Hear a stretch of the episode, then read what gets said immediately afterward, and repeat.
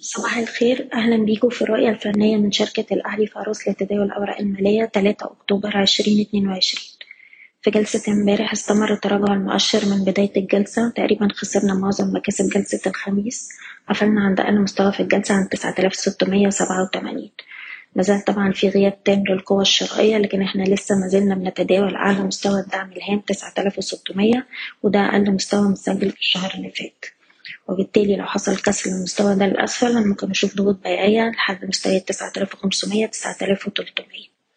الناحية التانية أول مستوى مقاومة عندنا عند تسعة آلاف تمنمية وتلاتين وده ال high بتاع آخر تلات جلسات ويليه مستوى المقاومة الأهم عند العشر تلاف وخمسين وهتظل رؤيتنا متحفظة لحد ما تظهر لنا إشارة شراء واضحة. في نفس الوقت بنركز على ال CIB على مستوى الدعم بتاعه أربعة وعشرين جنيه وتلاتين قرش طول ما هو محافظ على المستوى ده في إمكانية إن إحنا نشوف محاولات تماسك وارتداد مرة تانية. أشكركم بتمنى لكم التوفيق. إيضاح الشركة غير مسؤولة عن أي قرارات استثمارية يتم اتخاذها بناء على هذا التسجيل. شكرا.